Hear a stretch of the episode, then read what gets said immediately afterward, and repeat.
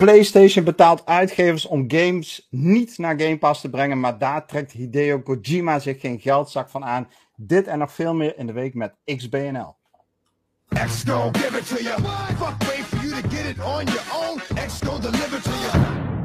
Yes, yes, yes. Jongens, jongens, welkom op deze broeierige podcast, aflevering 221 op 19 augustus 2022 van jullie favoriete platform natuurlijk XBNL, behorende bij de website xboxnederland.nl en toch wel de gezelligste Discord van uh, de Benelux, durf ik uh, wel te zeggen.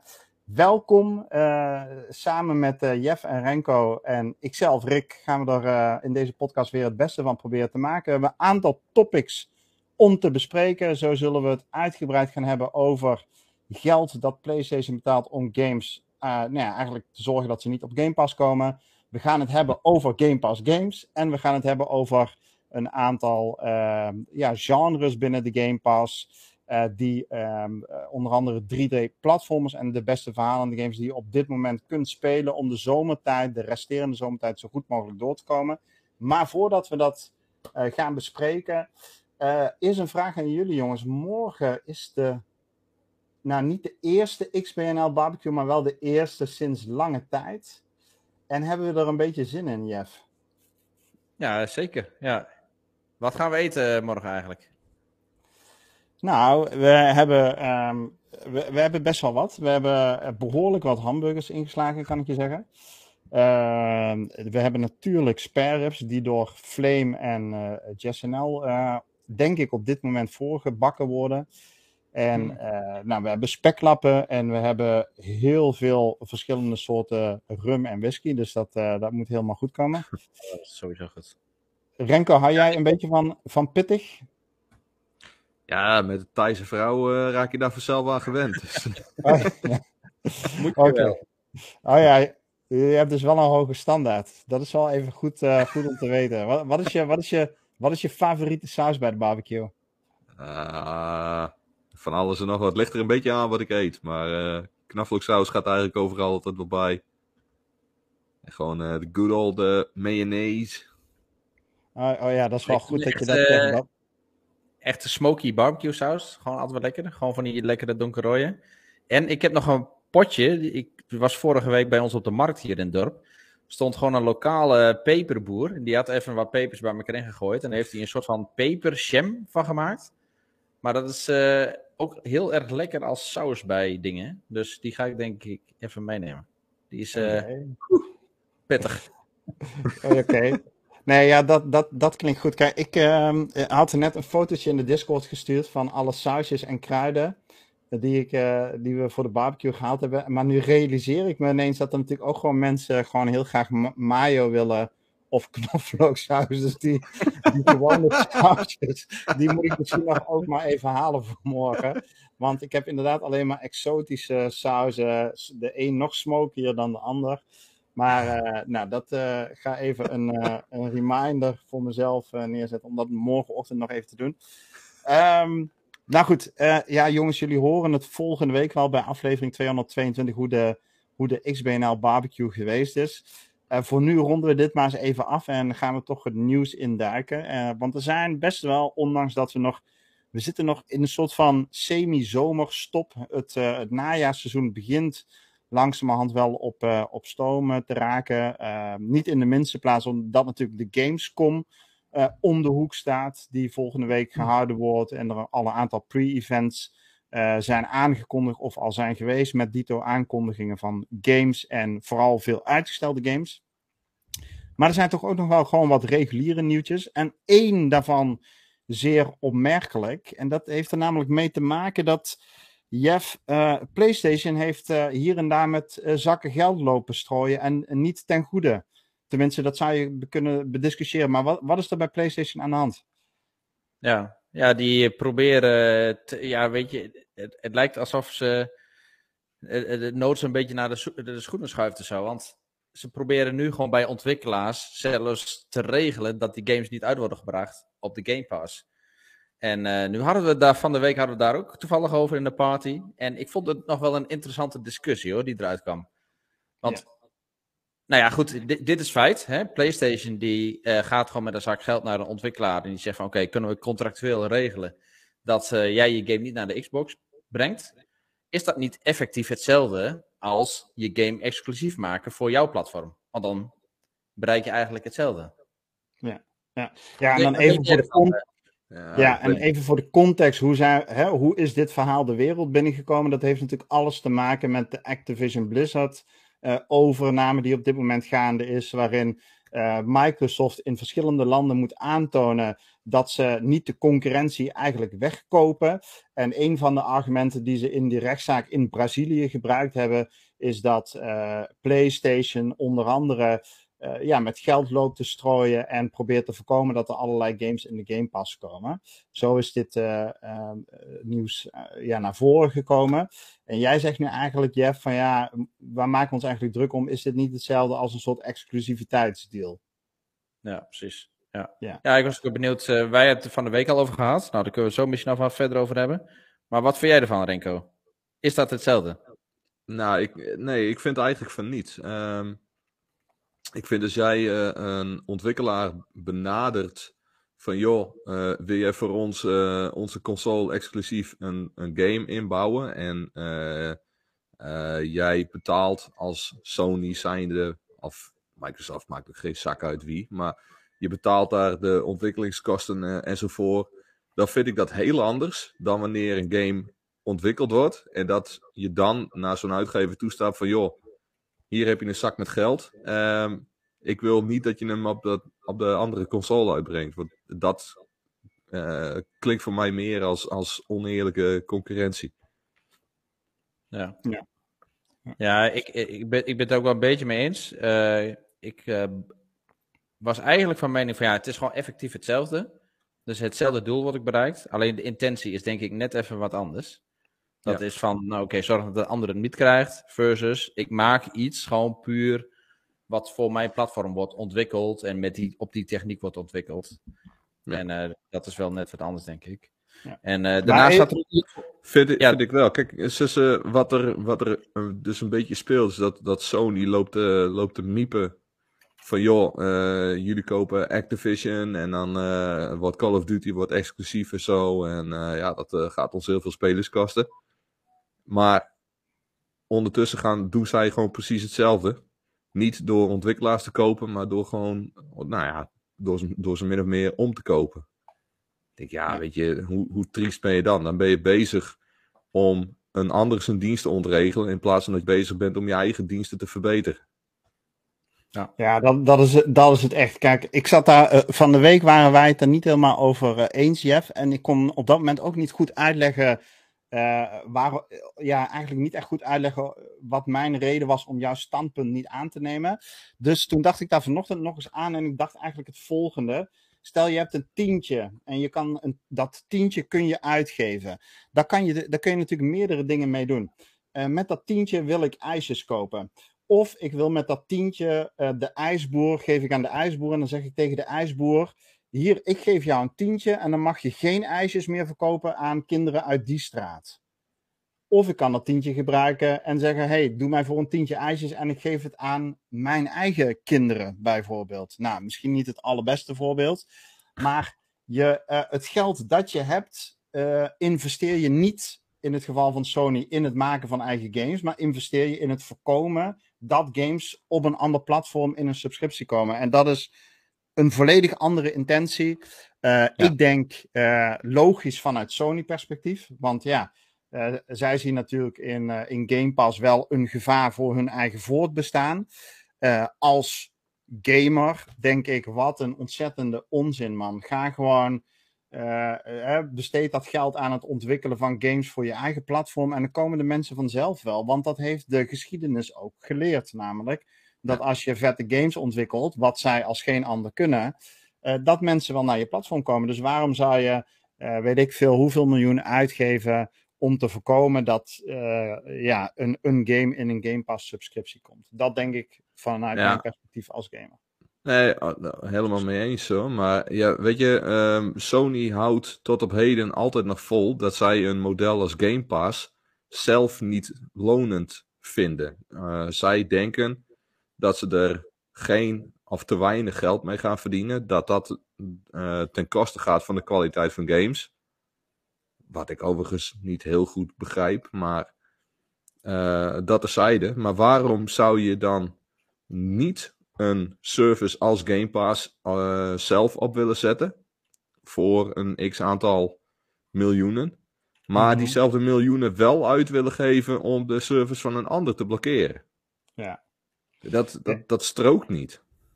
Nee, en dat, en dat is Sony ten voeten uit natuurlijk. Want nu gaat het om het blokkeren van games in Game Pass. Een jaar geleden ging het over skins of characters in Marvel eh, Avengers krijgen die dan op andere platformen niet mogen. Dan gaat het over een hè, korte eh, periode dat bepaalde maps in Call of Duty beschikbaar zijn. En het is allemaal vanuit. Hè, eh, kijk, daarvan dacht ik ook van ja, waarom moet je dat nou doen? Maar dan deed je het tenminste voor je eigen publiek voor de mensen die je PlayStation gekocht hebben. Maar zoiets als dit, namelijk geld uitgeven om te zorgen dat de ander niet kan spelen, maar dat je eigen achterban daar niet concreet direct profijt van heeft, dat denk ik van ja, eh, zielige, sneuwe beunhazen dat ze zijn. Maar goed. ehm, de, Ja, zo- maar, maar in, in hetzelfde bericht is, was er ook nog wat meer nieuws. Want ehm, andere argumenten, of in ieder geval het grootste argument, wat je tegenwoordig hoort, dat is Sony die is bang dat Call of Duty, wat eigenlijk de grootste franchise in de wereld is, gewoon op dit moment, dat het, is gewoon de grootste game franchise in de wereld, Hm. dat die exclusief op de Xbox komt. En ehm, ja, iedereen die kan wel op de klompen aanvoelen. En ook Microsoft heeft het, heeft het zelf gezegd van ja, maar dat, dat is niet onze insteek, dat is niet onze intentie. Uh, maar hier komen wel een paar interessante ja, uh, uh, reguleringen bij eigenlijk. Want ja, weet je, moeten Microsoft nu op, op blauwe ogen geloven? Of moeten de grote reguleringsinstanties Microsoft op blauwe ogen geloven dat ze dat dan niet doen? Want ja, zo werkt het, de juridische wereld dan ook weer niet. Uh, dus hier, hier wordt nog wel het een en ander uitgevochten. Um, ja. En als je het, uh, de big picture dan even een beetje bekijkt, van ja, waar gaat het nu precies over en waar staan we ook in dat hele verhaal? En um, ja, betekent dit dan ook echt dat die deal misschien niet door kan gaan? Of is dit uh, nou ja, eigenlijk gewoon een kink in de kabel en kunnen we daarna weer verder? Um, je moet je voorstellen dat Microsoft op dit moment met drie, de drie grootste reguleringspartijen van de wereld in gesprek is. Um, dat is met die, uh, uh, die van Amerika. Daar zijn ze het ook het verst mee. Mm -hmm. En um, daar zitten ze al in een vervolgstadium. Uh, ja. Waarin ze eigenlijk als ze maar langs de eerste goedkeuringsfase zijn gekomen. En uh, dat is de eerste fase waarin er gewoon veel vragen heen en weer worden gesteld. Mm -hmm. um, en uh, normaal gesproken is het zo van ja, als, als er uit de eerste fase niet heel veel geks naar voren komt, dan is dat, zorgt dat eigenlijk al voor een goedkeuring. En het ding is ook binnen die reguleringsinstanties, als één zo'n instantie dat goedkeurt, dan gaat de rest die volgt elkaar daar wel in. Uh, dus het is vooral interessant om in de gaten te houden van ja, maar wat gebeurt er eigenlijk bij de eerste? Nou, dat is de Amerikaanse, daar zijn ze al het vers mee, dus, maar daar zijn ze wel in een vervolgfase, waarin ze dus uh, toch een, een extra verdieping en extra vragen gaan stellen. En nou ja, daar komen ook zaken zoals deze dus in naar voren. Um, en daarnaast is ook, uh, zijn ze met de, de Engelse reguleringsinstantie, dat, die is internationaal ook wel belangrijk, zijn ze in gesprek. En ja, eentje die wij ook goed kennen, ook natuurlijk met een vorige deal, dat is de, de Europese reguleringsinstantie. En daar zijn ze nog het minst ver mee. Maar wat ik net aangaf, ja, ze kijken allemaal toch wel naar degene die al het meeste ja. daarin heeft verdiept. En, en daar gaan ze eigenlijk op uit. Ja, dus daar zitten we nou ja, op zich al in een redelijk vergevorderd stadium.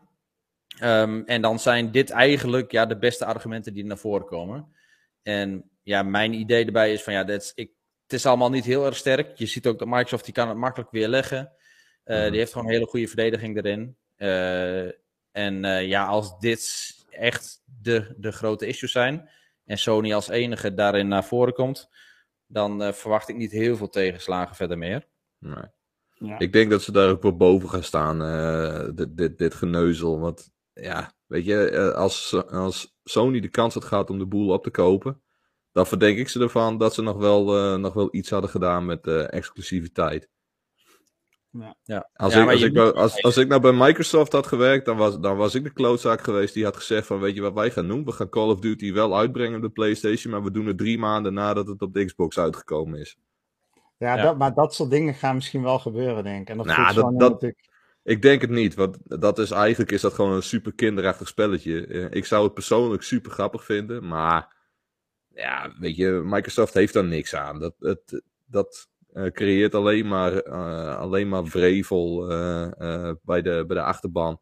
En dan met name bij de, bij de mensen die, die PlayStation spelen. Bovendien past het gewoon niet in de strategie van, joh, het, het maakt ons niet uit welke, op welke console je speelt. Als je onze games Ja. van speelt. Nou Dus ja, ik- als je je afvraagt van hoe, hoe lang duurt dit hele verhaal nog? Eh, Microsoft geeft zelf aan van ja, we verwachten toch ergens halverwege in de zomer van 2023 dat het allemaal achter ons is. Ehm, maar het, het gaat nu ook best wel snel. Eh, het kan ook zijn dat het wat eerder is, maar ik zou het niet dit jaar nog verwachten. Dus ehm, ja, als er verder geen rare dingen naar voren komen, dan kun je toch wel verwachten dat ze ergens nou ja, in het begin van 2023 of ergens halverwege 2023 echt de hele deal rond hebben. En dat we dus ook echt die games op de Game Pass eh, eh, tevoorschijn zien komen. Ja. Goed. Hey, en bovendien, en dat is dan direct ook een bruggetje naar het volgende nieuwstopic, kun je je afvragen of eh, Sony heel effectief hiermee is. Want waar ze dus geld bieden aan uitgevers om games niet op Game Pass te krijgen, gaan hun eigen IP's over de toonbank richting Game Pass. We zagen natuurlijk al eerder MLB The Show eh, in de Game Pass eh, verschijnen. Een, eh, een titel natuurlijk van Sony Studios zelf. En vandaag, vers van de pers, hebben we een ander nieuwtje gehoord. En dat is namelijk dat Dead Stranding van Kojima Studios, de game die, nou ja, vorig jaar, als ik me, nou misschien al 2020 al wel weer, op de PlayStation als exclusive verschenen is. dat die nu ook naar de PC Game Pass komt vanaf 23 augustus al. Nou weet ik niet wanneer je de podcast luistert, maar voor ons is dat over vier dagen. En dat is toch wel opmerkelijk in een, nieuws, eh, in, in een week dat we nieuws horen dat Sony dus geld betaalt om eh, games niet op Game Pass te krijgen, rennen hun eigen IP's eh, zo in de handen van, van Team Xbox. Ja. En wel te verstaan in de vorm van, van Dead Stranding. Nu verbaast mij dat persoonlijk niet eh, heel erg veel. In de zin van dat eh, Kojima Studios natuurlijk ja, vrij recent heeft aangekondigd dat ze met Team Xbox aan het samenwerken zijn aan een eh, nou, grote, groot nieuw project. Waarbij ze waarschijnlijk van cloud technologie gebruik gaan maken. Dus dat er een goede samenwerking is tussen Xbox en Kojima. Dat was ons al wel duidelijk. Hm. Toch komt dit enigszins, nou ja, out of the blue eigenlijk. Eh, en ook heel snel. Ehm, ik weet niet, jongens, is dit een titel waarvan jullie zeggen, ja, tof dat deze naar het Xbox-ecosysteem komt? Ah ja, ik, ik heb me er heel goed mee vermaakt. Ehm, wanneer heb ik hem uitgespeeld? Ja, terug of zo, weet ik. Of anderhalf. Ik, weet- ik weet het niet meer, maar het maakt het niet uit. Maar ik, ik vond het vooral heel, heel rustgevend. Ik vond het echt gewoon super tof om door die wereld heen te sjouwen. echt gewoon lekker dom. Eh, wat pakketjes eh, te bezorgen. eh, shortcuts te creëren door die bergen heen en zo. Ja, ik, ik, ik vond het echt heel, heel relaxed. Het is, het is een hele, hele aparte titel, maar... Ik vind het echt een heel bijzonder verhaal dit. Ik heb die game dus nog nooit gespeeld. Ik heb wel beelden gezien. Ik hoor, ik hoor continu dit verhaal. Heerlijke game, maar wat doe je dan? Ja, een beetje lopen. Ja, gewoon uren lopen. ja, en dan, Ja. ja. Ja, en verder dan, ja, gewoon eh, een beetje lopen. Ja, dus een beetje ik, lopen, ik ga hem doen en ik ben heel erg benieuwd. een beetje, Of- beetje, een beetje omvallen omdat je balans niet goed is. Omdat je, omdat je de boel verkeerd eh, bepakt hebt of zo. Af en toe voor, eh, voor wat, wat vage monsters wegrennen. Het verhaal is echt, echt dat valt niet uit te leggen. dat is echt, echt een Kojima verhaal, maar ja. Nou ja, eh, eh, kijk, eh, Evil die zegt terecht in de chat, voor de diepgang moet je natuurlijk bij games als Power Wash Simulator zijn, Jeff. en niet bij experimentele games als Dat is Power Wash Simulator, die heeft dan gewoon volledig geavanceerde gameplay, upgrades, k- cash store systeem erin. Ja. Alles geweldige achievements, moeilijke achievements. Ja, in de Discord ging nog wel even een discussie erover van uh, of naar die Dead Stranding Director's Cut editie dan naar de PC Game Pass komt. Uh, of dat het uh, gewone games. En de, de meesten dachten dat het de gewone games. Het was mij niet helemaal duidelijk op basis van de bronnen. Uh, maar ik denk eigenlijk dat anders in de nieuwsartikelen van Xbox Wire wel gestaan had dat het om de di Director's Cut Edition zou gaan. Hm. Daar zit wat DLC, content, wat extra content in. Ehm, maar goed, ja, we, er komt ik dacht 20 of 21 augustus uh, komt er nog wat meer nieuws over. Dus dan ja. zullen we er ook wel meer over horen. Maar in ieder geval opvallend is het wel. Leuk nieuws ook voor degenen die Dead Stranding graag zouden willen spelen binnen het Xbox ecosysteem. Voorlopig komt hij dus niet naar de Xbox console, maar kun je wel met je Xbox Game Pass Ultimate subscriptie op de PC spelen. Ja. Um, en ongetwijfeld gaat deze game ook nog naar cloud uh, komen, uh, xCloud in deze maanden. Ja. En, ik weet, ja. dat, dat weet ik nog zo net niet. Kijk, uh, dat hij naar de, naar de PC komt, dat heeft volgens mij vooral te maken met het feit dat de game op de PlayStation inderdaad door Sony zelf uitgegeven is. Um, maar dat ze, dat ze die rechten voor de PC uit handen gegeven hebben naar een andere studio. Ja, 505 games. Dus uitgeven ja. voor, voor de PC-variant. En, maar en ik denk X... dat, dat. Ja? Ja, de vraag is: um, waar valt Xcloud dan onder? Ja, maar Xcloud draait onder water op consoles in uh, Microsoft datacenters. En als die ah, game niet ja. compatible is met consoles, dan, uh, ja, dan gaat het niet gebeuren. Ja.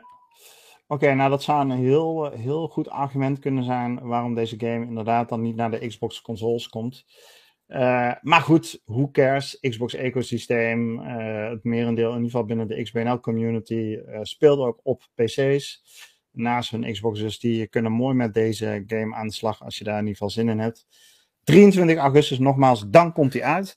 En dat is niet de enige game die in de Xbox Game Pass verschijnt komende weken. Want er is weer een heel lijstje aan, uh, ja, eigenlijk aan, aan, aan, nieuwe games aan de Xbox Game Pass uh, toegevoegd. Daar hebben we deze week ook een artikel van geschreven op xboxnederland.nl. Uh, en ik weet niet, Jeff, of jij hem even erbij kan pakken, het lijstje met de games. Ja. Maar één van die titels, Renko, heb, je, heb ik zelf gereviewd, maar weet ik dat jij hem ook heel uitvoerig gespeeld hebt. En dat ja. is Immortals Phoenix Rising van Ubisoft. Ja. Um, een aanrader wat jou betreft? Ja, absoluut, absoluut. Ik, uh, ik heb eerst de demo een keer geprobeerd en toen dacht ik van, nou, dit, dit, dit weet ik niet. Of ik dit, uh, of ik dit een hele game lang uh, ga trekken. Maar nee, ik vond het echt, echt een super toffe game. de, de gameplay was gewoon, zat gewoon goed in elkaar. Het speelde lekker, lekker relaxed. de puzzels die erin zaten. Ehm, wat, ik, wat ik daar heel gaaf vond, was dat ze niet uh, niet idioot moeilijk waren, maar dat ze je wel eh, echt zo'n zo'n gevoel gaven van: hé, hey, ik, ben echt, ik ben echt fucking briljant dat ik dit gewoon uitgedokterd heb. ja, ja. Dus uh, nee, echt, uh, echt wel een aanrader wat mij betreft. Ik heb altijd gezegd van ik wacht gewoon net zo lang totdat die game in de Game Pass komt. En nou ja, dat wacht wordt beloond. ja, maar dat zeg je van elke game. Ja, nee, niet elke game. Nee, nee, nee. Ah, nee, nee. Er zijn bepaalde games, gewoon bepaalde crème de la crème games, die ik toch gewoon direct koop. Uh, ja, day one als ze uitkomen. Uh, die ongetwijfeld ook naar de Game Pass komen. En uh, een van heb ik deze week behoorlijk gespeeld. Maar dat komen we er denk ik straks nog wel op. Ja. ja, daar ben ik benieuwd naar. Nou ja, en um, nee, dus Immortals Phoenix Rising, dat is uh, een no-brainer. Ik denk dat we die um, ook, ook uh, ja, die, die moet je gewoon spelen. Dat is echt wel een toffe game. Um, nou, verder in de Game Pass deze week zien we onder andere de titel Coffee Talk, als ik me niet vergis, een visual novel. nou ja, dus, dus, we hebben een trailer toegevoegd op onze website, dus, dus check die vooral ook even. Ik zie onder andere ook nog een game Midnight Fight Club, als ik het, uh, als ik het goed heb. Je hebt er nu even een ander scherm uh, ingeladen, uh, Jeff. Maar daar zag ik vandaag allerlei review scores van voorbij komen. Het had voor mij een wat cyberpunk-achtige, of die Ascent-achtige vibe qua gameplay. Niet qua, qua wereld of qua vormgeving. En die game die werd ontzettend goed gereviewd door nou, toch behoorlijk veel, veel reviewers. Dus die ga ik zeker nog wel, uh, wel even checken. Oh, nog één keer, Jeff, hoe heet de titel? Midnight Clu- Fight Club? Midnight? Fight Express. Fight Express, oké. Nou, een generiekere titel dan dat kun je niet krijgen, maar eh, eh, het zou toch, kijk, dit ziet er toch wel vet uit, vind je niet? Dus, eh, wel Nou, vet, het, ja. ziet er, het ziet er wel lach uit, ja. Zeker. Ja. Ja, voor de podcastluisteraars, we zitten nou naar een scène te kijken, top-down, een beetje isometrische view, als ik, eh, als ik het goed heb. Waarin je door een trein loopt en eh, al knallend en mappend eh, probeert een eh, volgend punt in een level te halen. En dat, ja, het heeft wat die Ascent vibes, vind ik. Maar goed, check, check die trailers even. Zat er iets tussen waar jullie enthousiast van worden naast Phoenix? Ja, zeker. En volgens mij is dat een game die jij ook hebt gedaan, Renk. Dat is Commandos, toch? Of niet? Eh, ja, het originele commando's heb ik ooit gedaan, ja. Oh, ik dacht dat je die eh, HD remaster ook op de, de Xbox had gereviewd. Of was nee, dat... volgens, volgens mij heb ik daar ja. ooit, ooit op ingetekend, maar... Ja, ik weet, ik weet niet meer Ja, hoe het zit, maar ik, ik heb hem niet gespeeld. Ik- Nee. Die wil ik nog wel eh, even uitproberen. Ik heb vroeger Commando's helemaal kapot gespeeld. En eh, ben wel benieuwd wat, wat dit biedt. Ja, de- deze ga ik ook zeker proberen. Ik heb het origineel ook nog, eh, ook nog op mijn laptopje staan. Dat speel ik af en toe ook nog wel eens. ja, Nice. leuke, leuke game. Knijter moeilijk, maar eh, wel, eh, ja, tof. Dus eh, Volgens mij die jij hebt gereviewd was een, onder een andere titel of zo. Een Desperados of zo. Of, eh, Oh ja. ja, dat, ja, Leek dat is niet, com- niet. not- niet, niet commando's, maar het is wel een beetje, beetje hetzelfde idee inderdaad. Ja, klopt. Ja. ja, dit is toch geweldig, joh, dit. Ja, dat is tof. En volgens mij kun je die ook online co-op spelen. Klopt dat? eh, volgens mij hebben Evil en Dimas die van de week gespeeld. Eh, of was dat een andere Commando's? Ik weet het niet zeker. Maar ehm, Commando's 3 HD Remaster. Kijk, nou, dat zijn, eh, dat zijn de mooie titels. Alright. ehm, ja, goed. Ik zou zeggen, check xboxnederland.nl voor het volledige overzicht. Behoorlijk weer wat leuke titels voor de komende twee weken.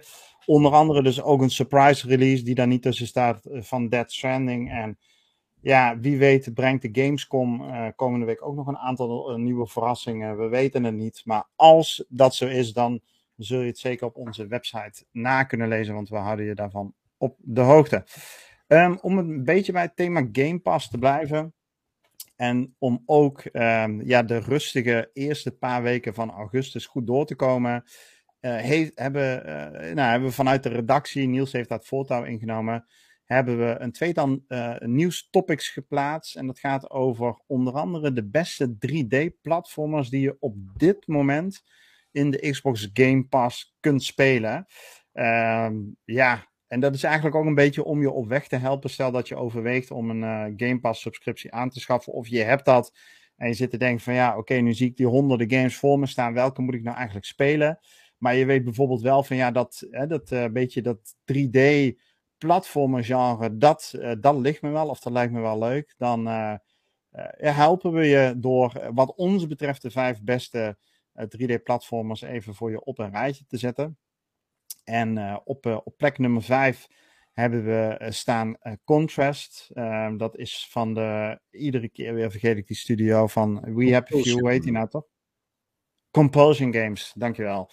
Eh, ja, dat is een beetje een eh, jazz noir-achtige setting. Ik weet niet, het ook wat jaren 60, 70. Ik weet niet of dat, of dat ook klopt, maar veel donkere en rode kleuren, veel jazzmuziek, veel eh, toneelachtige settingen en al platformend ga je door de levels heen.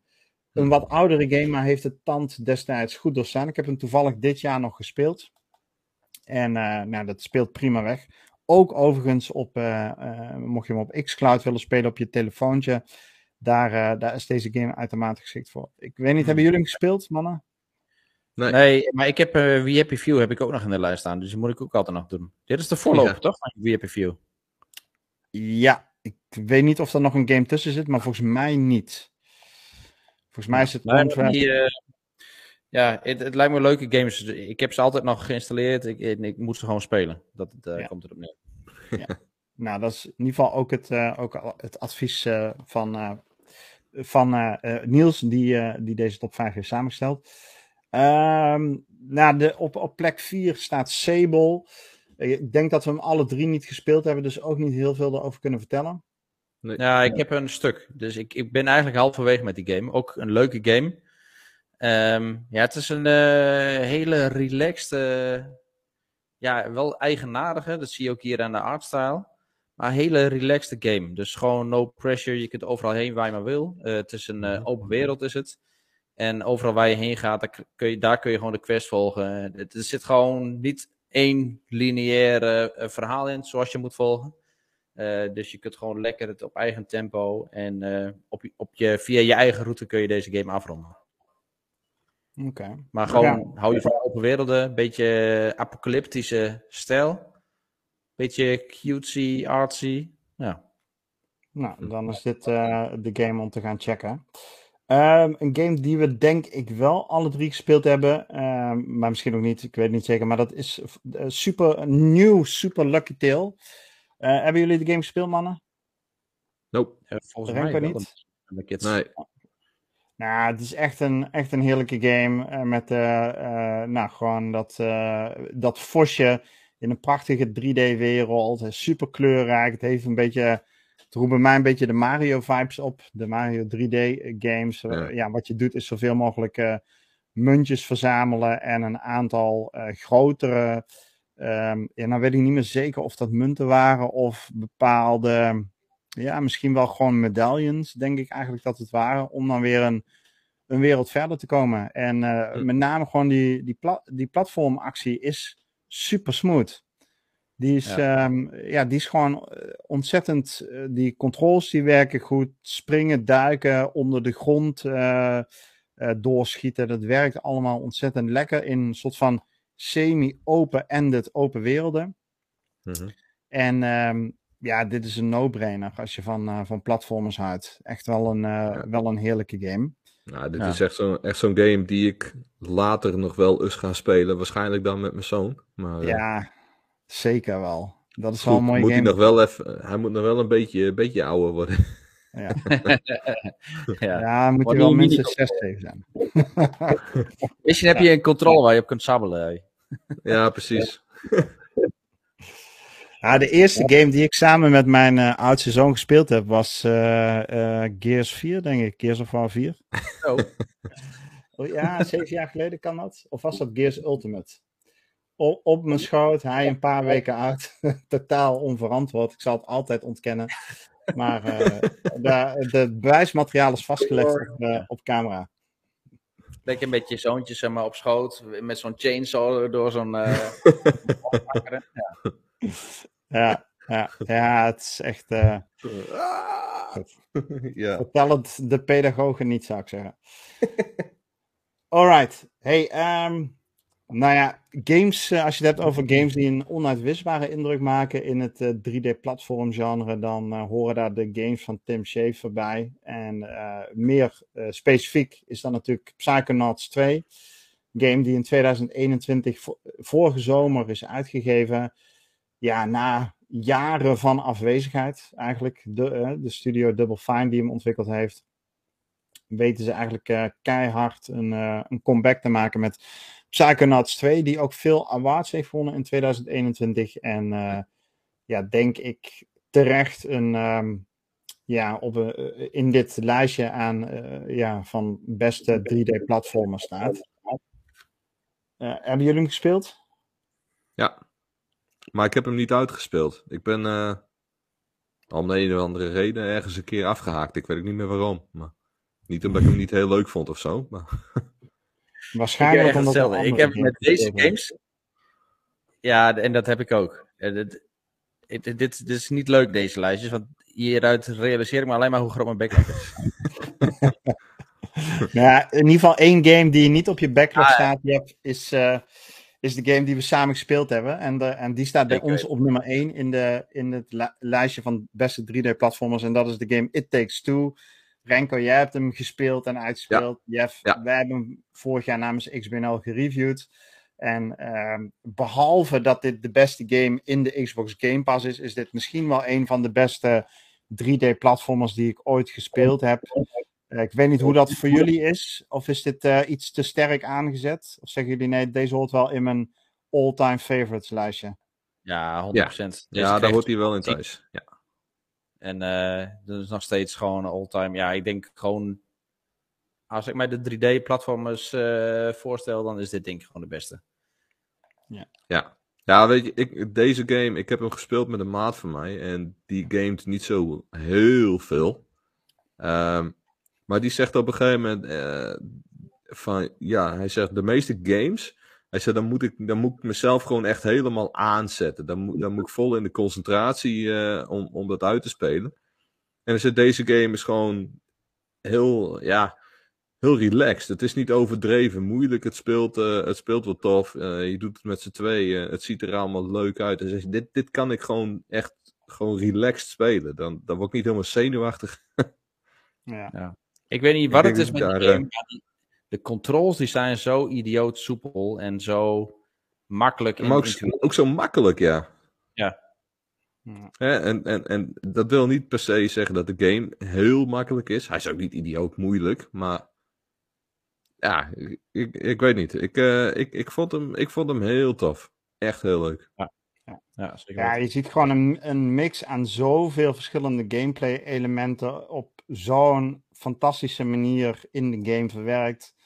Eh, niet alleen het platformen, maar ook actie-reactiespelletjes, puzzels, eh, eh, samenwerken in co-op. Ehm, je, je kan hem zelfs een tweede keer spelen met het andere character. Dan heb je denk ik echt wel een andere beleving, doordat je gewoon andere, andere handelingen in de game aan het doen bent. Jo Janneke die zegt, eh It Takes Two is geniaal, alleen jammer van het zeikverhaal. Nou, ik persoonlijk vond het wel een geinig verhaal. Ik, eh, ik, ik kon er wel, eh, nou, ik- kon het wel waarderen, het verhaal. Maar dit is een game die, die vooral in de eerste plaats draait om, eh, om de lekkere, lekkere gameplay. Ja. Mhm. ja, precies. Om het verhaal moet je dit echt niet doen, inderdaad. Dat, dan moet je, je hoeft geen hoogstaand verhaal te verwachten hier. Nee, nee, inderdaad. Alright. ehm, nou, van beste 3D-platformers die je op dit moment in de Xbox Game Pass kunt spelen, gaan we naar het laatste nieuwstopic. En dat is het artikel dat getiteld is De beste verhalende games uit de Xbox Game Pass. En ook daar eh, ja, staat je natuurlijk tegen een enorme lijst aan. En eh, nou hadden we met Niels ook, eh, ook een discussie over ja, welke van je darlings ga je killen. Om, en, en welke mogen wel in de lijst staan. Zo, eh, dat waren verhitte gesprekken, kan ik je vertellen. Ehm, maar we zijn er als redactie uitgekomen en daar is een eh, top 5 aan verhalende games eh, uitgekomen. Waar nou, ik in ieder geval roerend achter kan staan. En ik ben benieuwd wat de mensen in de chat ervan vinden. Ehm, op de vijfde plaats, nou, natuurlijk de titel van Ninja Theory. En dan hebben we het over eh, Hellblade, uh, Senua's Sacrifice. Eh, game alweer uit 2017, destijds exclusief voor de PlayStation uitgekomen. En als ik me niet vergis, een goed jaar later eh, ook naar de Xbox gekomen. En nou, inmiddels weten we uh, dat Ninja Theory natuurlijk een uh, studio is die hoort bij de Xbox Game Studios, werkt aan een vervolgtitel. Maar um, ja, dit, dit is een parel van een game. Uh, ja, wat, wat valt daarover te zeggen? Renko, jij hebt hem destijds gereviewd volgens mij. Ja, zeker. Um, ja, wat valt erover te vertellen? Um, eigenlijk best wel heel veel. Uh, vooral dat deze, deze game, uh, wat, de, wat dit heel bijzonder maakt, is dat dit um, gemaakt is in samenwerking met diverse universiteiten in, in Engeland. uit mijn hoofd Cambridge. Ja. En dan met professoren, maar ook patiënten die gespecialiseerd zijn in uh, psychische aandoeningen. Um, want het is natuurlijk heel makkelijk als iemand een arm breekt of een been of weet ik veel wat. Dat, dat je, dan zie je gewoon hè, wat, wat is de schade, wat, wat is er aan de hand. Maar iemand die geestelijk letsel heeft, ja, dat, dat zie je niet. En dat is ook heel moeilijk te begrijpen. En wat ze met deze game gedaan hebben, is een personage neerzetten wat leidt aan onder andere schizofrenie. Mm-hmm. Uh, en en uh, je hebt psychoses. En wat ze heel knap gedaan hebben, is, is neerzetten hoe dat dan ongeveer, uh, ja, hoe dat, hoe dat in zo'n hoofd van zo'n patiënt werkt. En dat is super indrukwekkend. Ik moet ja. zeggen dat ik het zelf ook echt heel zwaar vond. Zeker met een headset op, want je hoort constant stemmen. Ehm, maar aan de andere kant ook wel weer heel knap. Want puzzels moet je ook bijvoorbeeld uh, moet je ook weer oplossen. Um, want ja, psychose. Iedereen heeft er wel eens van gehoord. Maar wat het nou precies is, weet eigenlijk niemand. Um, en, en dat wordt echt heel goed gebruikt in de gameplay ook. Door puzzels neer te zetten waar je um, met een andere blik naar moet kijken dan wat een normaal iemand doet. Dus dingen zien die er eigenlijk niet zijn. Maar hè, doordat je dat vanuit die psychoses uh, wel ziet. Hè, dus je, je, ziet, je ziet kleuren, je ruikt dingen. Uh, uh, je ziet gewoon verbanden die een ander niet ziet. meestal omdat ze er in werkelijkheid ook eigenlijk gewoon niet zijn. Maar doordat jij dat wel ziet, kun je die puzzels en zo allemaal gaan oplossen. Dus ja, super bijzondere titel. Um, en, en absoluut de moeite waard om, om een keer uit te spelen. En niet in de minste plaats ook door het acteerwerk. dat zit ja, ook echt, echt heel goed in elkaar. Als ik deze beelden zie, dan heb ik echt zin in deel 2, hè, nu. Want, uh, ja, ja, ja, ja, ja. Ik vind dat, uh, dat psychose en zo, dat, ja, dat is op zich leuk voor de immersie. Alleen, ik vind het meest indrukwekkende, vind ik juist een beetje die, uh, ja, dat, dat, die Germaanse mythologie erin. Uh, en die surrealistische beelden en dan verweven in de mhm. werkelijkheid. En ja, dat, dat ja, en dat is dus dat psychose gedeelte. ja, precies. Ja, weet je, ik, ik, ik werk daar dagelijks mee, uh, mensen die daar last van hebben. Dus ik vind het echt super interessant dat het gewoon zo tastbaar gemaakt is van, joh, zo werkt dat ongeveer. Hè, het is natuurlijk niet, hè, dat is voor elke persoon is het, is het anders. Maar ze hebben wel gewoon heel knap neer weten te zetten van, joh, kijk, zo werkt dat ongeveer. Ja, en, nou. uh, ja ik, vind, ik vind dat zelf heel interessant. Ja, het is een van de eerste en enige games waarbij, um, als je het dan hebt over um, de psyche, waarbij het niet als een soort van superkracht wordt neergezet of als uh, de, uh, de doorgedraaide, ja. Um, de, ja, de doorgedraaide villain of wie dan ook. Maar nee, mm -hmm. het is de, het, de, het centrum van de beleving van jou als speler zelf. Ja. Hè, dus het wordt niet uh, gestigmatiseerd of het wordt niet, ja, er wordt niet, ja, hoe moet je dat nou zeggen? Ja, er wordt gewoon een personage neergezet wat daar last van heeft. En jij maakt, en jij maakt gebruik van, van de, de, de beelden die, die dat oproept, de stemmen, de, de, de beleving. En alleen jouw personage heeft er last van. Ja, ja dus, je merkt ja. het in deze, uh, niet om het nu eindeloos over Hellblade te hebben, maar uh, heb je hem nog nooit gespeeld? Start hem eens op. En die openingsscène, als je in de roeiboot zit en die eerste paar minuten dobber je voort in die roeiboot, zet je headset op en uh, doorloop de eerste honderden meters van het level. Raakt het je, dan blijft die game jou raken en dan zul je verder willen spelen. Haak je niet aan op dat eerste stuk, dan wordt het ook niks voor je. Dus nee, je weet het, uh, die openingsscène is super indrukwekkend. En ik weet zeker dat als je ja, als je, als je die eerste 10 minuten doorkomt en je denkt, wow, dit is fantastisch neergezet, dan blijft die game uh, je voor de rest van je leven bij. En als je mm -hmm. die eerste 10 minuten zoiets hebt van, ja, wat is dit in vredesnaam, wat ben ik aan het doen, dan, uh, dan is het niet jouw type game. Ja. Goed. Um, hey, van een, nou ja, eigenlijk van, van het ene serieuze thema rollen we in het ja. andere serieuze thema. En dat is namelijk uh, de game die in 2020 volgens mij door Asobo Studios is uitgebracht. Uh, verhalende game A Plague Tale Innocence. Um, ja. ja, Franse, Franse studio um, uh, heeft, een, heeft werkelijk een super inspirerende en verhalende game weten neer te zetten. In, uh, ja, ten tijde van, wat is het, de Franse, is het de Franse revolutie of de, Nee, dat is, dat is nog eerder. Um, eerder de tijd van de Inquisitie een beetje. Te Juist, nou, de, dat ja. Ja, de tijd van de Inquisitie inderdaad. En we kruipen in, uh, in A Plague Tale in de huid van uh, Amicia. Uh, het personage dat je nu ook in beeld, beeld ziet. En Amicia heeft één doel, um, namelijk dat is te overleven en met name een cure te vinden voor haar broertje. Die lijkt ongeneeslijk ziek te zijn. En ja, mogelijk uh, kan dat broertje gered worden. Maar hoe of wat, uh, dat weet ze ook niet exact.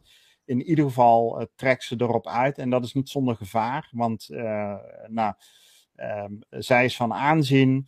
Zij wordt gezocht, het land is bezet. En bovendien wordt het geteisterd door een rattenplaag. En ja, eigenlijk gaat het hele verhaal over ontvluchten en het broertje, Hugo, veiligstellen. Ja. En dat is wel op een hele indrukwekkende manier in een verhaal vertolkt. Met een open einde, dat is het goede nieuws. Dat betekent ook dat er een vervolg aankomt. En daar hoeven we helemaal niet zo heel lang op te wachten. Want als ik me niet vergis, komt die 13 oktober uit. A Plague Tale Requiem, als ik het goed uitspreek. Ja, dat, dat, ja. ik weet niet het precieze datum, maar dat is heel binnenkort inderdaad.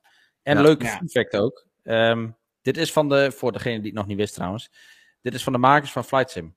Dus die Juist. werken aan uh, lekkere verschillende type games ook. Zo ja. Zien. Ja. ja en ik weet niet of er de oorlog is uitgebroken of zo, maar we krijgen wat uh, codetaal uh, over de chat hierheen. dus ik weet niet waar het voor staat, maar uh, Jess die zegt in ieder geval, de rips zijn gerupt. I repeat, de rips zijn gerupt. Okay. Ja. Een beetje in dezelfde, dezelfde categorie als good morning. Listen very carefully, I will only tell you once. ja. Nee, nee, nee. Ja, Jess die, uh, die heeft een, uh, samen met Flame een aantal, ja, volgens mij heb ik het al eerder gezegd, deze podcast, een aantal ribbetjes weten veilig te stellen voor de barbecue morgen. Dus die uh, liggen nu in de marinade. Dus dat wordt fantastisch. Martin Spayer, die zegt, verhalende games top 5, Jeff. Welke titels noemt hij allemaal? Batman Arkham Knight, Bad Company 2, Firewatch, zeker weten. Ah, die is ja. ja. Firewatch, die zat erin en die heeft plaats moeten maken voor de nummer 2 op deze lijst. En daar kom ik, uh, komen we zo meteen op. En Mass oh. Effect Andromeda. Renko, wat vind jij daarvan? Als Mass Effect Oei, fan? Nou, kan maar ja, dat, nou, nee, nee. Uh, voor wat betreft Andromeda ben ik het daar niet mee eens. Ik, uh, ik vond de originele trilogie, die was vele malen beter. Zat gewoon echt lekker in elkaar. Uh, ik, ik vond Andromeda, daar had ik niet zozeer. Ja, weet, weet je wat die, wat die, die eerste trilogie, die is heel goed door. Uh, doordat het een trilogie is, doordat dit die opbouw ook heeft. Hè? In, die, in die eerste game ontdek je dat er wat mis is. Uh, in de tweede game, dan, dan ben je echt. Uh, ja, dan ben je bezig om, om iedereen te overtuigen dat er daadwerkelijk iets aankomt en dat je je voor moet bereiden. En in de derde, dan breekt dan de pleuris helemaal uit en dan ga je er echt op uit om, om alles en iedereen in het heelal te redden. En die noodzaak, die druk, die, ja, die had ik in Andromeda veel minder. Dat was, uh, ja, dat speelde zich ook 600 jaar later af in een compleet ander melkwegstelsel, compleet ander universum zelfs. En ja, dat, je, je was daar gestrand. Je was op zoek naar een nieuwe planeet. Die planeet die bleek toch niet zo tof te zijn als dat ze van tevoren gedacht hadden. En dus moest je gaan zien of je ergens anders kon settelen. En ja, dat hele verhaal is me gewoon ja, niet echt bijgebleven, moet ik zeggen. Hm. Maar ik, ik ben het wel met hem eens, met zijn antwoord. Um, het, het, die game is echt gestorven aan de slechte ontvangst die het heeft gehad. En de, de vele bugs die er in de eerste tijd in zaten ja, dat heeft het geen goed gedaan. Het was inderdaad, het was niet een hele slechte game uh, in die zin, maar in, ik vond hem zeker niet beter dan, uh, dan, het, uh, dan de originele trilogie. Hmm. Ja. Alright. Um, ja, jongens, laat jullie. Ik vind het wel tof dat hij even een top 5 lijstje instuurt. Want mm -hmm. ik ben wel benieuwd. Evil die houdt ook wel eens af en toe van een goede verhaal in de game. misschien Esme ook. Jess is ook in de chat erbij. Genox, laat even weten wat zijn voor jullie de, de betere verhalende games in de Xbox Game Pass. Um, onze nummer drie. Um, nou, ik, ik ga een uh, bolde uitspraak doen. De game die op nummer 3 staat, heeft het beste female character in de geschiedenis van videogames. En dan heb ik het natuurlijk over Clementine. En dan heb ik het natuurlijk over uh, The Walking Dead franchise die in de Game Pass zit. Die staat bij ons op nummer 3. Wat vinden we daarvan, jongens? Re eh, Jeff, ik weet niet of jij hem gespeeld hebt. Renko, jou heb ik hier wel vaker over gehoord. Ja, ja ik heb hem ook helemaal doorgespeeld. Uh, ja, leuk. Uh, heel, heel tof. Ehm, ik weet niet, ja. Nee, ik, ik, ik weet niet of ik, of ik Clementine meteen als beste vrouwelijke personage neer zou willen zetten, maar... Ja, ik eh, doe een tegenbod en dan kunnen we daarover discussiëren. Lara Eh, Croft. Eh, Ellie Nou, dat in is- Last of Us komt aardig in de buurt. Ah, in het verhaal in de game bedoel je dan? ja, Ja, ja, ja. En maak je het ook heel specifiek hoor. Nu moeten we ook nog een keer gaan nadenken. nou ja, Ja. mensen in de chat, eh, terwijl deze mannen erover nadenken, eh, volgens mij hebben we ook een aantal vrouwen in de chat. Eh, is Clementine het beste vrouwelijke karakter in de geschiedenis van videogames? Of zijn er andere characters die, die haar ja, voorbij weten te streven? Ik kan ze zo niet bedenken. Ik zou Ellie een hele goede. persoonlijk eh, zou ik daar nog wel tussen kunnen twijfelen. Ehm, maar dan, eh, ja, dit is voor mij toch wel een nummer één. Maar misschien even los van het vrouwelijke karakter. Zijn we het ermee eens, mannen? Ja, we hebben deze lijst gezamenlijk voor een deel opgesteld. Maar eh, Walking Dead, vette game, toch? Vette verhalende game. ja, zeker. Ja. Oké, goed. Alright. Even kijken. eh, Oeh, Evil Terror die zeggen we hebben potverdikkie Lara Croft. Dat is inderdaad wel eentje die je niet over het hoofd kunt zien. Ehm, Ja. Maar vinden we, vinden we Lara, Lara Croft. Ja, wat vinden we daarvan? Ja, dat ligt Ja. eraan in welke game Iets je me dat, eh, dat vraagt. Maakt het uit? Maakt het uit. Nou ja, ja, ja Nee. eigenlijk wel. Ik moet zeggen dat ik, de, dat ik die reboot van eh, Crystal Dynamics, dat ik die Lara Croft veel beter trek dan eh, die uit de eerdere games. De, de Ja, nou. bijna ik, eh, ik kille... vind- als we het hebben over Lara Croft en trekken, dan eh, maakt niet uit welke, welke je pakt hoor. Echt niet. Goed. Oké, eh, dit het is na tien. Het wordt inderdaad nu langzamerhand een 18-plus stream. Dat blijkt ook uit het commentaar van Just a Second. Ik vind elke character uit Fortnite met een strak broekje veel beter. Janneke zegt iets, eh, eh, dat, dat kan ik niet op stream herhalen. En Jimena die lacht, dus die moedigt aan om vooral nog dit soort opmerkingen te blijven maken. Jojanneke heeft jullie- overduidelijk de nieuwe reboot niet gespeeld, maar goed, dat is dat, die kijkt ook iets anders tegen, tegen dames aan, ga ik vanuit, dan dat wij mannen dat doen. Alright. Hey, terwijl de chat nog even doorgaat over het beste female character, gaan wij door naar de nummer 2 op onze lijst van beste verhalende games. En eh, dat is er eentje die zeer recent eh, uitgegeven is. En eh, door een studio die eh, nieuw is, voor wie dit de allereerste game was. Eh, game die exclusief voor het Xbox ecosysteem ontwikkeld eh, is. En dan hebben we het natuurlijk over As Dusk Falls van Interior Night. Ehm, ja, jongens, fantastische game. Ik heb hem zelf gereviewd. Jeff, ik weet dat jij hem eh, eh, helemaal doorgespeeld hebt. Renko, jij Ja. hebt hem denk ik nog niet gespeeld. Nee, Ja, Nou, ik... dus eh, is mij echt, hij, hij is mij deze heel erg positief gevallen. Je, je weet dat ik echt super kritisch op deze was. En de grafische stijl gewoon mij... vooral de stijl, Ja. Ja, dus dat was echt wel een issue voor mij. En ik vind nog steeds, het had prima in een andere stijl ook wel gekund. Eh dat was misschien nog beter geweest. Maar qua verhaal en eh, keuzeopties en hoe het samenvalt en eh, alle verschillende karakters erin, ja, is dit echt, echt top hoor. Dit. Ja, nee, ik sluit me daar helemaal bij aan. Een van de dingen die, ehm, eh, waar deze game in, ehm, in uitblinkt, is wat mij betreft dat je... Ja, ik denk dat misschien Detroit Become Human eh, aardig in de buurt komt, maar dit is voor het eerst een game waarbij ik echt het gevoel heb gehad dat de keuzes die je maakt echt zorgen voor flinke vertakkingen in het verhaal met andere wendingen, andere tusseneindes, andere eindes. Ehm, characters die wel of niet blijven overleven, enzovoort, enzovoort. Ehm, het verhaal grijpt je naar de strot. Ehm, het gaat over twee families die elkaar eigenlijk op een meer noodlottige manier treffen in een gewapende overval die binnen no time escaleert.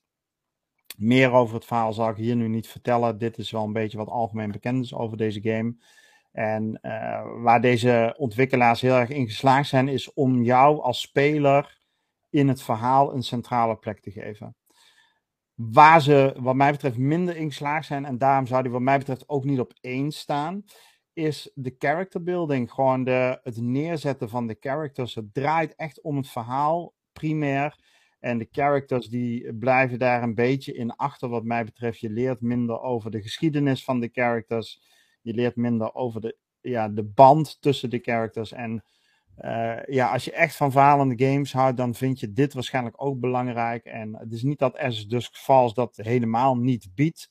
Maar het doet dat minder dan uh, bijvoorbeeld de, tenminste naar mijn mening, de games van bijvoorbeeld Don't Not. En ook minder dan bijvoorbeeld The Walking Dead, waarbij je echt het gevoel hebt dat je ja, bijvoorbeeld Clementine of uh, hoe heet die nou, Leo of nou ja, hoe al die characters in The Walking Dead ook heten die leer je echt kennen. En dat worden echte karakters uh, die heel levendig voor je worden. En dat is bij As Dusk Falls wat meer gecentreerd rondom het verhaal en wat minder rondom de personages die het verhaal uh, vormgeven. Um, ja. Maar goed, desalniettemin een, uh, een topper. En over toppers gesproken, onze nummer 1 Jeff en Renko, dat is Tell Me Why van Donut. Ja. De studio die, uh, die bekend is van met name uh, de Life is Strange franchise, Life is Strange, Life is Strange Before the Storm, Life is Strange 2 en True Colors. Maar die ook af en toe een uitstapje maakt naar uh, andere, andere werelden, andere universums. En Tell Me Why is er daar eentje van. Als ik me niet vergis, Jeff, dan heb jij deze ook van A tot Z gespeeld. Ja, zeker. Ja, nee, echt een topper. Dus dus dit, is ook, uh, nou ja, ik verwacht eigenlijk weer gewoon een volgende Donut game. Dus een beetje Life Strange-achtig. Maar deze wist het niveau echt naar een, of deze, wist het echt naar een volgend niveau te tillen. Uh, je weet, ik ben echt een sucker voor, voor graphics. Uh, alles wat er goed uitziet. En dat wist deze echt te doen. Dus deze kon het echt veel beter. En het zorgt ook voor een veel betere immersie ook, vond ik. Want de Life is Strange voelde ik daar wel een beetje in achterlopen eigenlijk al.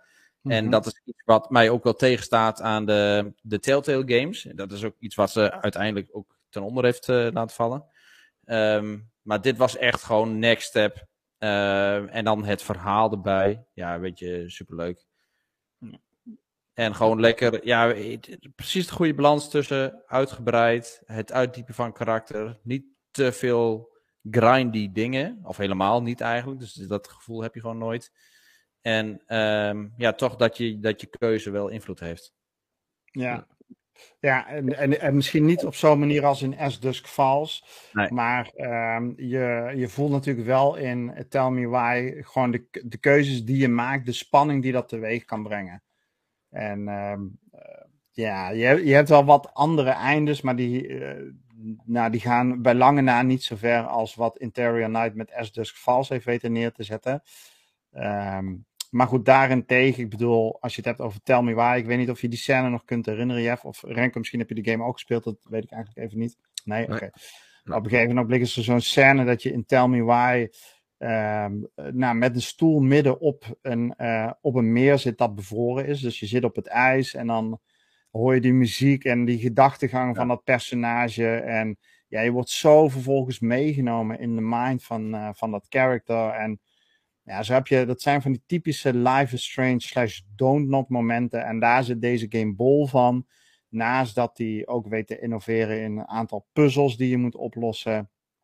En natuurlijk een verhaallijn die je kloppend moet zien te krijgen. Dus nou, wat ons betreft een uh, uh, ja, terechte nummer 1. En daarmee ronden we deze lijst van beste verhalende games uh, ook af. We zijn natuurlijk benieuwd, ook mocht je luisteren en um, ook echt van verhalende games houden. Of bijvoorbeeld, hè, waar we net over hadden, 3D-platform games. Uh, ja, hoe ziet jouw top 5 lijst eruit? Zitten er titels tussen die we vandaag genoemd hebben waar je echt niet in kunt vinden? Of uh, ja, zitten er titels tussen waarin, uh, waarvan je zegt, ja, dit is inderdaad, dit past ook helemaal in jouw lijstje. Laat dat even weten. Kom gezellig bij ons hangen in onze Discord of nou, type Desnotes onder onder het artikel uh, op, de, op de site van uh, xboxnederland.nl. En uh, nou, misschien maken we daar wel eens een keer een bundeling van. Top 5 van, van de community. Dat, dat zou nog wel leuk zijn. Ja, nog even een tribute naar de originele Lara Croft dan. Bij deze. Ja. Voor de de, de podcastluisteraars, ja, die hebben hier niks aan. Maar eh, ik zou zeggen, ga eens een keer naar onze YouTube en bekijk onze podcast eens. Ja, zeker. Ik zie nu pas Evil's opmerking dat Rick zijn keuzes dood en verderf veroorzaken. ja, nou ja, soms moet je mensen opofferen voor eh, de greater cause. Alright. Hey, eh, wij gaan eh, richting een afronding van deze podcast. En dat doen we natuurlijk op geheel traditionele manier met wat wij zelf gespeeld hebben.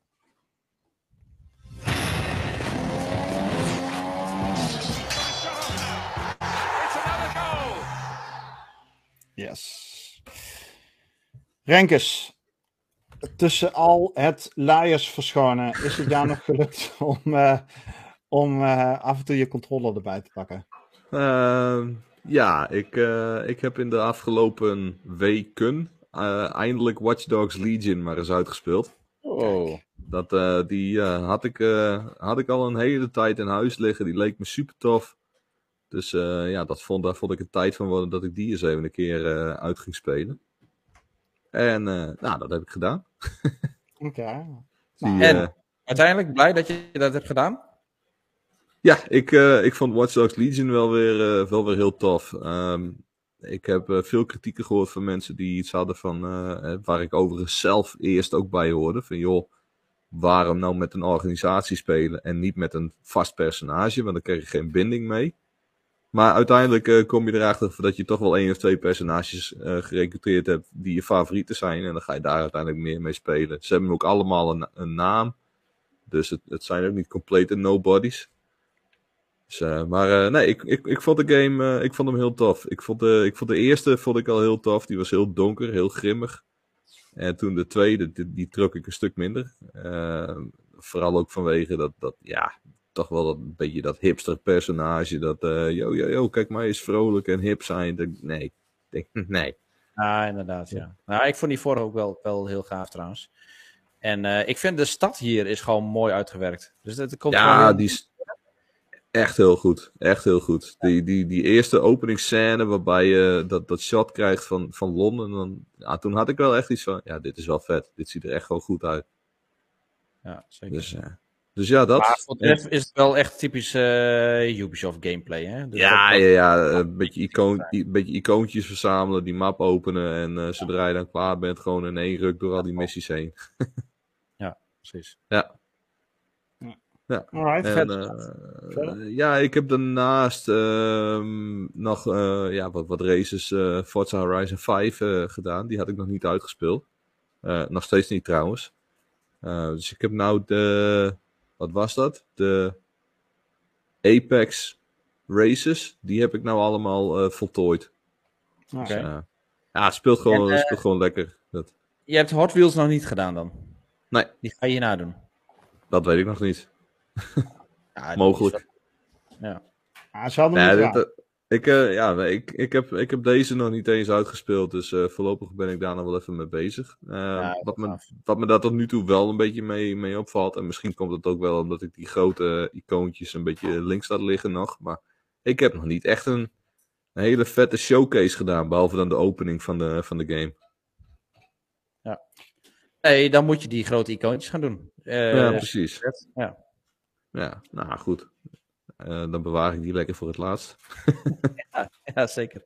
Zou ik zeker doen, ja. ja. En jij, Jeff?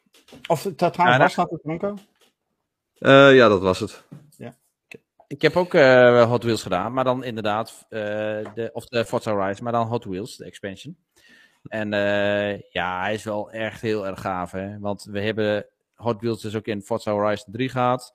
De vraag is natuurlijk van, oké, okay, maar is dit dan meer van hetzelfde? Uh, maar dit is gewoon wel next level. Het gaat nog verticaler. Het gaat knetterhoog en dan ga je weer knetterhard naar beneden.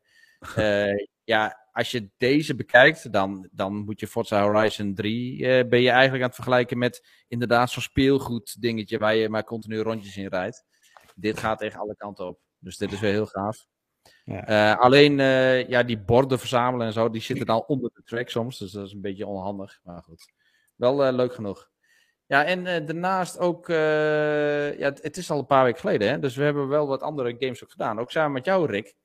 Uh, bijvoorbeeld Escape Academy gedaan. Ja, dat was een nou ja, mooie game. Met jou, Vooral met je, met je vriendin. ja, ik, ik, moet eerlijk zeggen, de, de, zeker de eerste twee zittingen, ja, kwam ik er niet tussen. En daarna en was je wakker. Ook... Toen was je scherp. En het, het, hielp ook niet dat ik steeds in slaap sukkelde, moet ik eerlijk bekennen. jullie waren bloedje fanatiek. En uh, ja, ik echt, ik vond het wel goed. Die, die, ik denk dat ik de eerste vier escape rooms, die heb ik niet echt meegekregen. Uh, maar de latere wel. En ik kan niet anders concluderen dan dat ze gewoon heel tof in elkaar zitten. Ja, ik, ik, ja dit, als je van escape rooms houdt, dan is dit echt gewoon, gewoon goud. Dit. Echt super underrated game deze. Hoor ik veel te weinig over. Voor, hm. voor de kwaliteit. Ja, en de kwaliteit zit hem misschien niet per se in het, in het visuele aspect van de game. Maar uh, vooral in, ja, de, de, er zitten echt gewoon briljante eh, puzzels tussen. En je moet echt, je wordt echt gedwongen om outside the box te denken. dingen met elkaar in verbinding te brengen. Om op die manier stappen te zetten in het eh, iedere escape room ja, bestaat dan ook weer uit kleine deelfragmenten die je moet vrijspelen om verder te kunnen. Dus er zijn puzzels in puzzels in puzzels om zo'n ruimte uit te komen. En dat zit zo ontzettend goed in elkaar. Uh, geen, ja, we hebben eigenlijk helemaal geen momenten gehad dat, het, dat er iets niet klopte of zo. Of dat het niet lekker liep.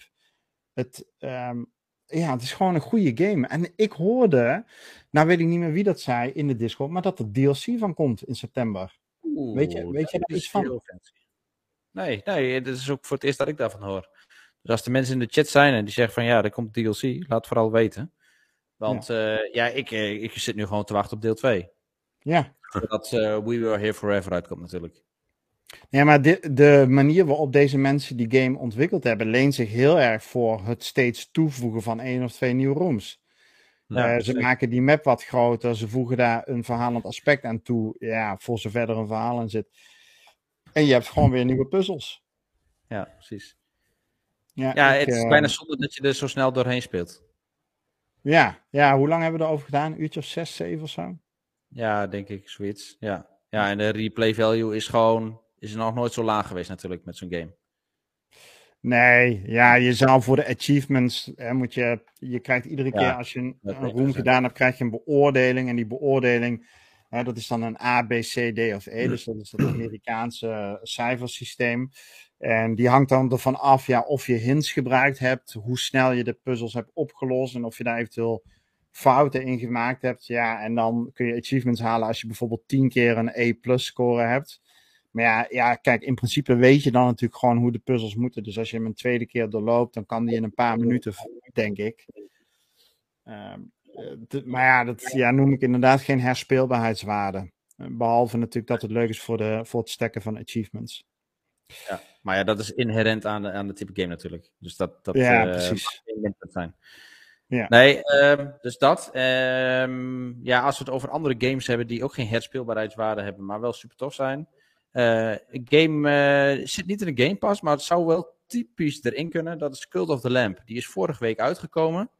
En um, volgens mij wordt die zelfs nog gereviewd, als ik het goed heb. Ja, ja Eddie is die aan het reviewen. Ja, dus misschien moet ik niet al te veel uh, gras voor de voeten wegmaaien. Dus bij deze gewoon even mijn, mijn eigen persoonlijke mening hierover. Uh, maar het is echt een heerlijke uh, roguelite is het. Dus het is een, een typische roguelite, maar dan een soort van light roguelite. Want het gaat niet mega diep, zoals het in Hades bijvoorbeeld gaat, of Death's Door. Um, je doet elke keer kleine runs um, en uh, het is allemaal wat meer simpel.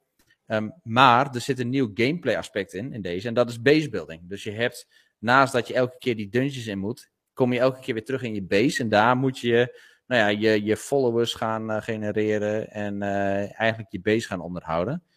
En um, ja, wat, wat, wat doe je daar? Of wat, wat is het eigenlijk? Ja, je sticht je eigen cult. Dus je bent een lammetje.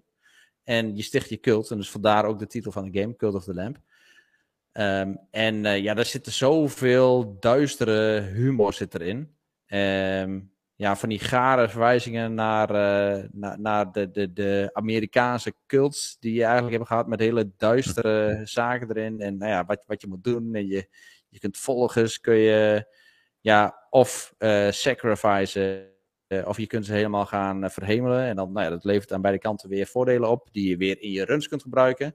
Maar je moet je volgers ook tevreden houden en je moet ze ook zorgen dat je steeds meer volgers krijgt. Dus ja, dat is een hele leuke dynamiek. En daar ben ik nu volledig mee bezig. Ben ik redelijk aan het einde. Ehm, en ja, het is wel een game die je één keer speelt en dan is het ook wel leuk geweest. Maar ja, dat is voor zo'n type game en het geld wat je ervoor betaalt, wat volgens mij 25 euro is, um, is dat ook prima natuurlijk. Ja, het is ook zo'n game waar uh, het gerucht omging dat Sony ervoor betaald zou hebben om hem niet in de Game Pass te stoppen. Is het zo? Ja. Dat, nee, maar deze zit ook niet in de Game Pass. Nee, hij zit ook niet in de Game Pass. Ja, dat Sony een zak geld gegeven heeft. Nou, ja, dat, dat, dat, dat, was een, dat was een claim die, uh, die ja. uh, uh, een of andere journalist, een ja. Gary Witta, zou, zou hebben vernomen. Maar dat, dat, dat schijnt ook niet te klappen, want een woordvoerder van Devolver Digital die, die had al contact opgenomen met de website The Gamer. En die hebben gezegd van, dat, die, dat die berichten absoluut niet waar waren. Ja. Ja. Dus, uh, ja, en, ja, en, het leukste van die game is misschien wel de soundtrack. Die is gewoon echt zo lekker relaxed en grappig. Dus uh, nee, er is genoeg reden om die game aan te schaffen. Uh, ik denk dat dat ook de conclusie is van een review. Ik kan me niet anders voorstellen. ik denk dat die ook ergens in de komende week wel verschijnt. Dus ook hou ja. onze website in de gaten. Um, en, en, ja, als laatste, ik ben ook een soort van in een cult getrokken door Rick. En dat is de Sea of Thieves guild, is dat. Hij zei maandag, zei hij, dus afgelopen week, zei hij van, oké, okay, uh, ga je, wil je vanavond even meedoen met Sea of Thieves? Weet je, we hebben nog één spot over op de boot. Nou, dan weet je, ik doe mee met van die drie van die veteranen. Dus dat is uh, ja, alsof je snoep van een, van een kind uh, jat eigenlijk. Dan moet je gewoon bij in de boot gaan en dan word je gewoon gratis geleveld. Dus ik denk van ja, prima, weet je, ik sta erin. Ben al bijna Pirate Legend, want zover ben ik ook wel door de jaren heen. En uh, ik heb de smaak wel te pakken nu, moet ik eerlijk zeggen. De volgende ja. avond van, oh, laten we nog maar even een keertje doen. En de avond daarna was het, oh, laten we nog maar even een keertje doen. dus, uh, Come to ja, the dark side, we have cookies. Ja, ja, ja. ik ben hem bijna bekeerd. Ja. Ja, ik, ik appte jou uh, dinsdag. Nou, zullen we dan maar even door de zure appel heen bijten en uh, gewoon even voor die Pirate Legend titel gaan? Maar hij was me al voor, man. Hij, uh, de avond daarvoor, ja, vanavond weer, hè? ja. ja, ja, maar ze hebben ook wel genoeg interessante nieuwe dingen toegevoegd, waardoor het ook wel leuk is om weer terug te keren. Gewoon wat quality of life improvements en sowieso wat nieuwe dingetjes en zo. En je eigen schip, dat is misschien het leukste. En gewoon je kunt je eigen boot gewoon nemen nu. En uh, gaan onderhouden en daar mooie trinkets op plaatsen. Dus ja, leuk. Hey, maar die uh, quality of life uh, improvement, Jeff, kun jij komend half uur dus allemaal opnoemen? Dan kunnen we het daar even over hebben. Nee, nee, nee. Dit, dit bewaren we voor een Tavern Talk. En ik probeer nog vooralsnog niet aanwezig te zijn bij een Tavern Talk. Dus, we gaan het ja, picnic in de chat. Jeff is ook al verpest. ja, ja ik, ik zei wel grappig de uh, afgelopen week van, volgens mij wordt die, die Rick, die wordt gewoon betaald door, door die Sea of Thieves gasten. ze hebben dan, tegenwoordig hebben ze 10 miljoen actieve spelers zo. Ik weet niet eens meer precies hoeveel het is. Ik weet zeker... Die zitten allemaal bij ons in de Discord. allemaal door Rick overgehaald. Die zitten allemaal bij ons in de Discord, ja. Ja, ja misschien wel, inderdaad. Ja. Alright, hey, uh, Pirate Legend Jeff, heb jij nog meer uh, games gespeeld? Nee, nee, nee, dit was het. Uh, ik, ik, dacht, ik bewaar Sea of Thieves voor het laatst, dan kunnen we zo mooi de brug maken naar jou.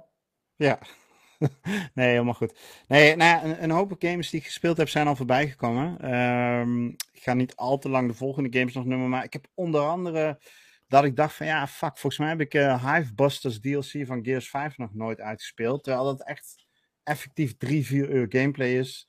Dus die, uh, die heb ik van de week uitgespeeld. En ik moet eerlijk zeggen, de um, vette DLC. Uh, eh, super mooie werelden. Uh, redelijk verhaal. Maar die eindbaas, dat was een natte scheet, jongen.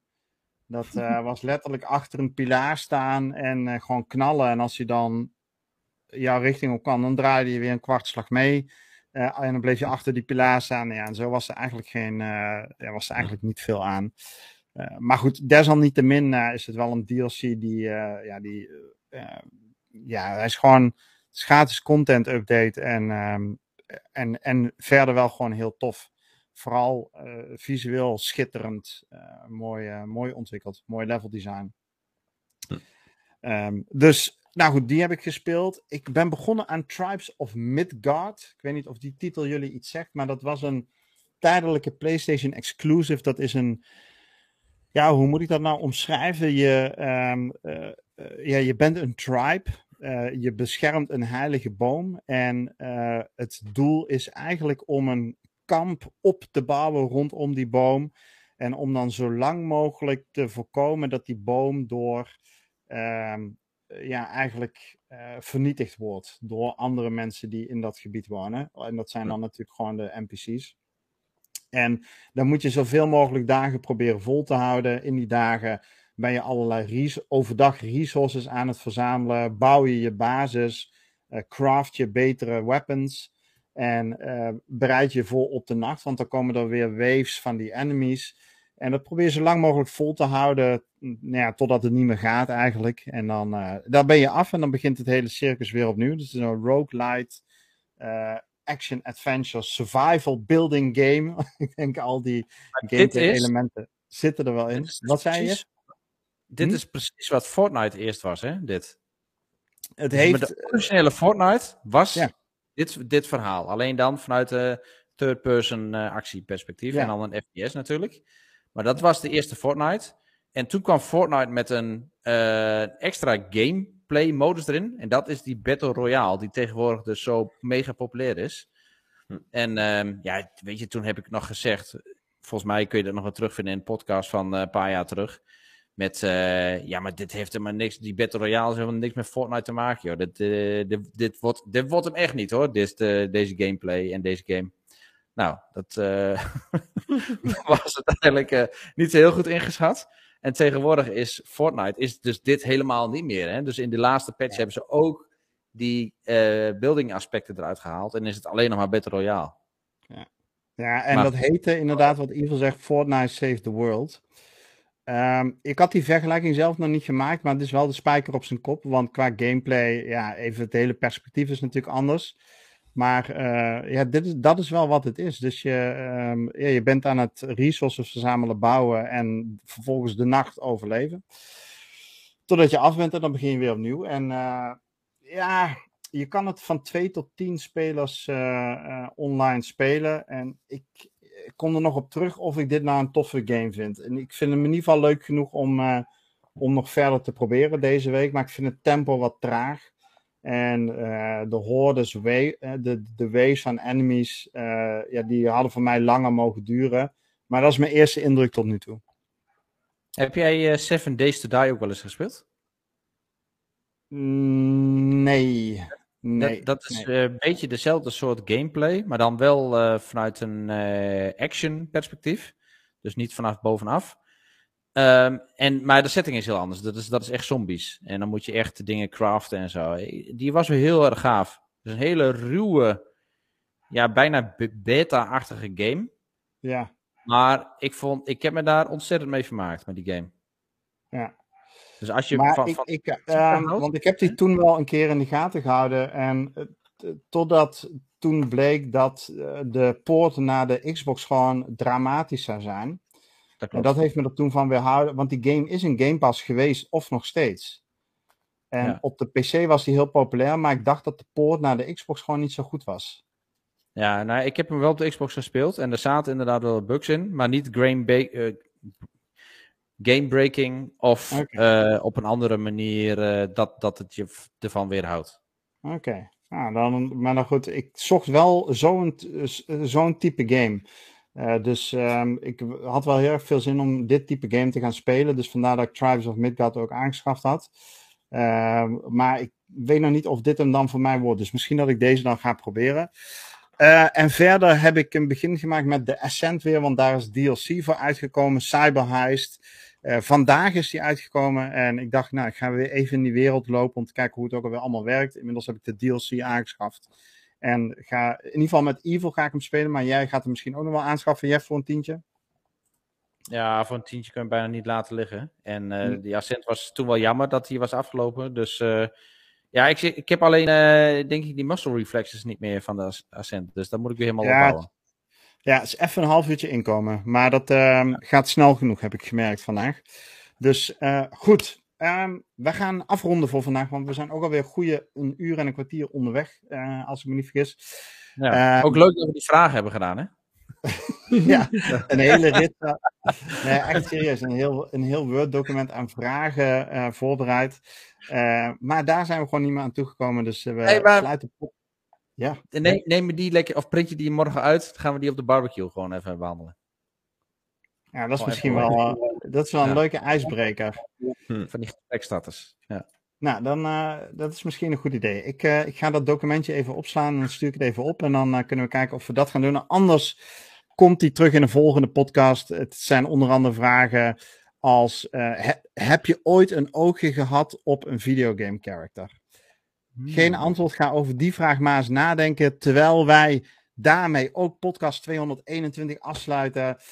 Degene die luisteren en morgen 20 augustus op de eh, XBNL barbecue zijn. We zien jullie morgen. We hebben er super veel zin in. Het vlees staat klaar. De drank eh, eh, is in de koelkast of staat op de plank klaar om genuttigd te worden. Voor nu ronden we deze podcast af. Namens Renko, Jeff en mezelf vinden we wel dat jullie een hele dikke rare achievement verdiend hebben. Jeff, kom maar door. En eh, nou, dan ja, zien we ze graag volgende week weer, toch? Eh, same time, same place, mannen. Ja, zeker weten. Twitch.tv slash xboxnederland.nl Vrijdagavond 9 uur voor de wekelijkse podcast. Tot volgende week. Jo, later. Later.